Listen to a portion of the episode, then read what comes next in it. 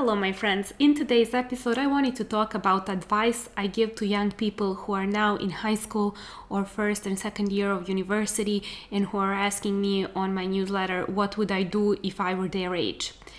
First of all, what I would do is what I did do, and that is to find somebody who lives a life I once dreamed and, and that's when I was younger. Obviously, it's not the same person now, but to find somebody who lives the life you think it's your dream life and see how you can work with that person. If that person has a podcast or a book or a blog, read, listen to everything, write down notes, see if that is really the life you want. See where does that person spend their time and money? Where do they invest time and energy? What kind of people are they working with and what kind of people are they surrounded by? See what are the habits that that person has? Do they go to the gym? Do they do yoga? Do they read books? What do they do? And also see what can you learn that they already know. After that figure out a way to ask them to be your mentor if and only if you have something to offer because nobody wants to invest their time in somebody that has nothing to offer. And you might be wondering what can i offer? I'm just a student. Well you can offer your time and your energy to help them with what you see that they are struggling with. Maybe that's just creating content for the, for their instagram or something. It doesn't matter. See what you can help them with there is something that is unique to you that can be beneficial to them as well.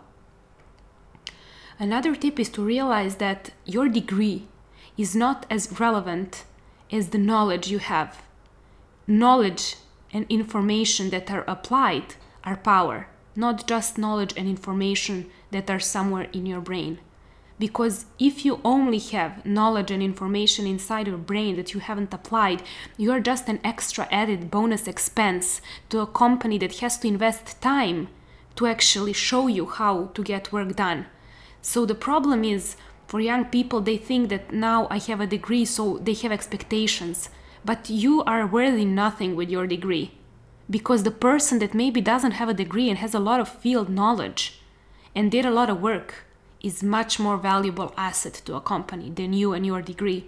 Nobody wants your degree. They want the knowledge and they want the contribution that you are able or unable to bring to their company. Secondly, find a company or a job or an internship where you can le- learn what you want to learn, not where you can just be cooking coffee and doing delivery and printing stuff so make sure to ask around before you submit your paperwork to be a, like to apply for an internship.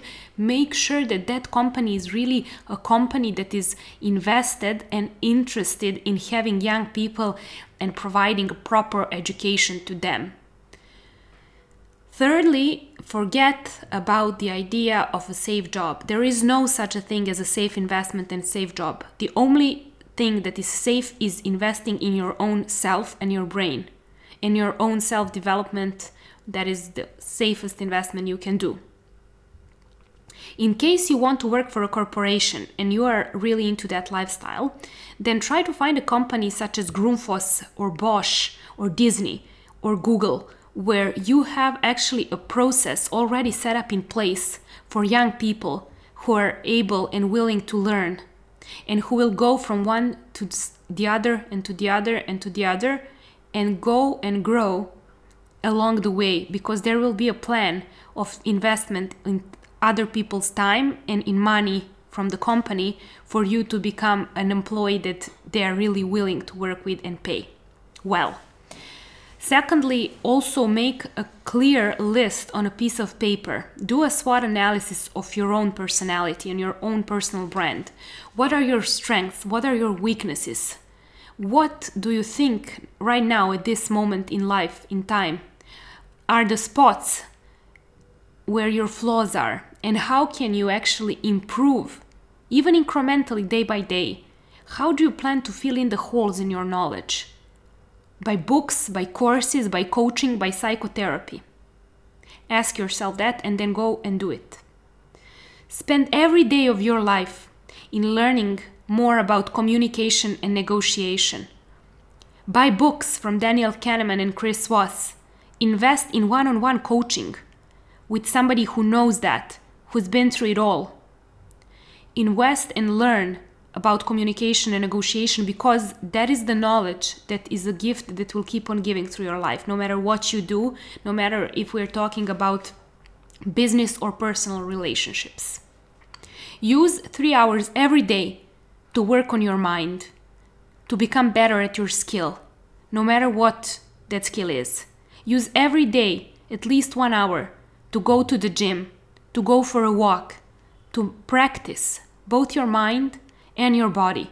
So, meditation and bodybuilding have to be both included in your daily life if you want the success you say you want. Create a custom made morning routine that serves you. So, don't go around asking others what they do.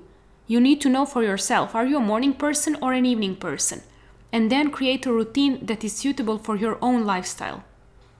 The problem is that people hear these advice and they think, okay, yeah, maybe, whatever, and they don't do it. And that's a problem because 90% of people are just looking for a new tip or a new advice.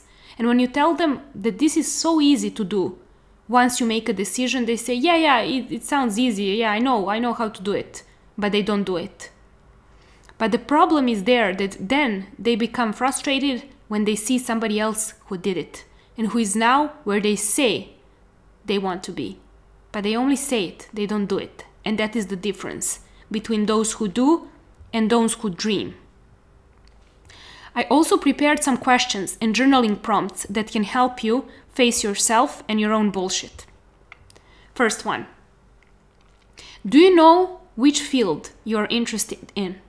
Do you have a mentor, a teacher, or somebody you can ask for help and guidance? Are you one of those people that believe that growth happens spontaneously and not planned through a lot of hard work, commitment, and choosing that as your life priority every day? Do you think you still don't have the time to do the work on your mind management, time management, and finance management? Do you think that the people who are successful don't make mistakes? Do you think you need to know everything before you begin? Do you think other people have it easier than you? Do you know what are your superpowers? Do you know what is your zone of genius? Do you know what would you like to do? Do you know if you have the skills and the knowledge and the capabilities that the job you say you want requires? Do you think it's hard and that you won't be able to make it? Do you know exactly why this job is the right job for you? Are you ready to do anything that's necessary to make it happen? That might mean to stop going out at night, to start getting up early, doing everyday dream, watching on your nutrition, taking time and attention to do daily journal practicing, meditation.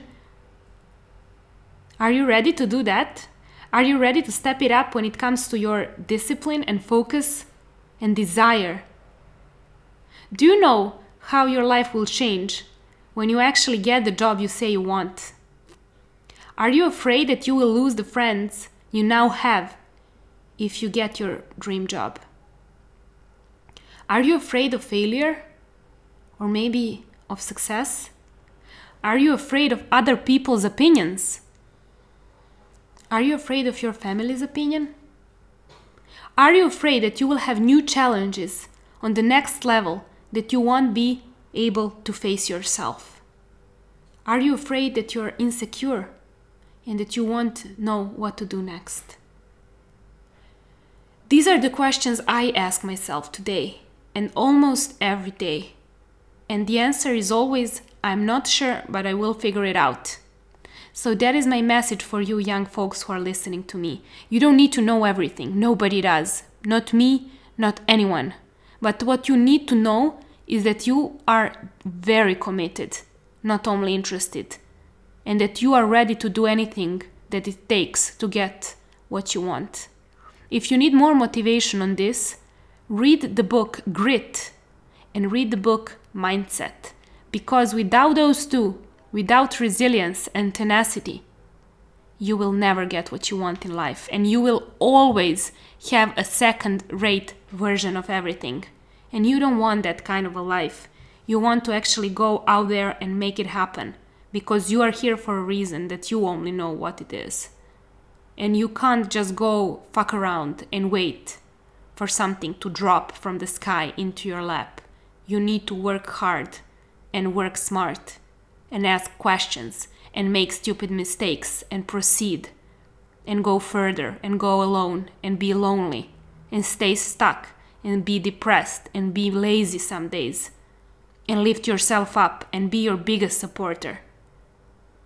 And that is how you succeed.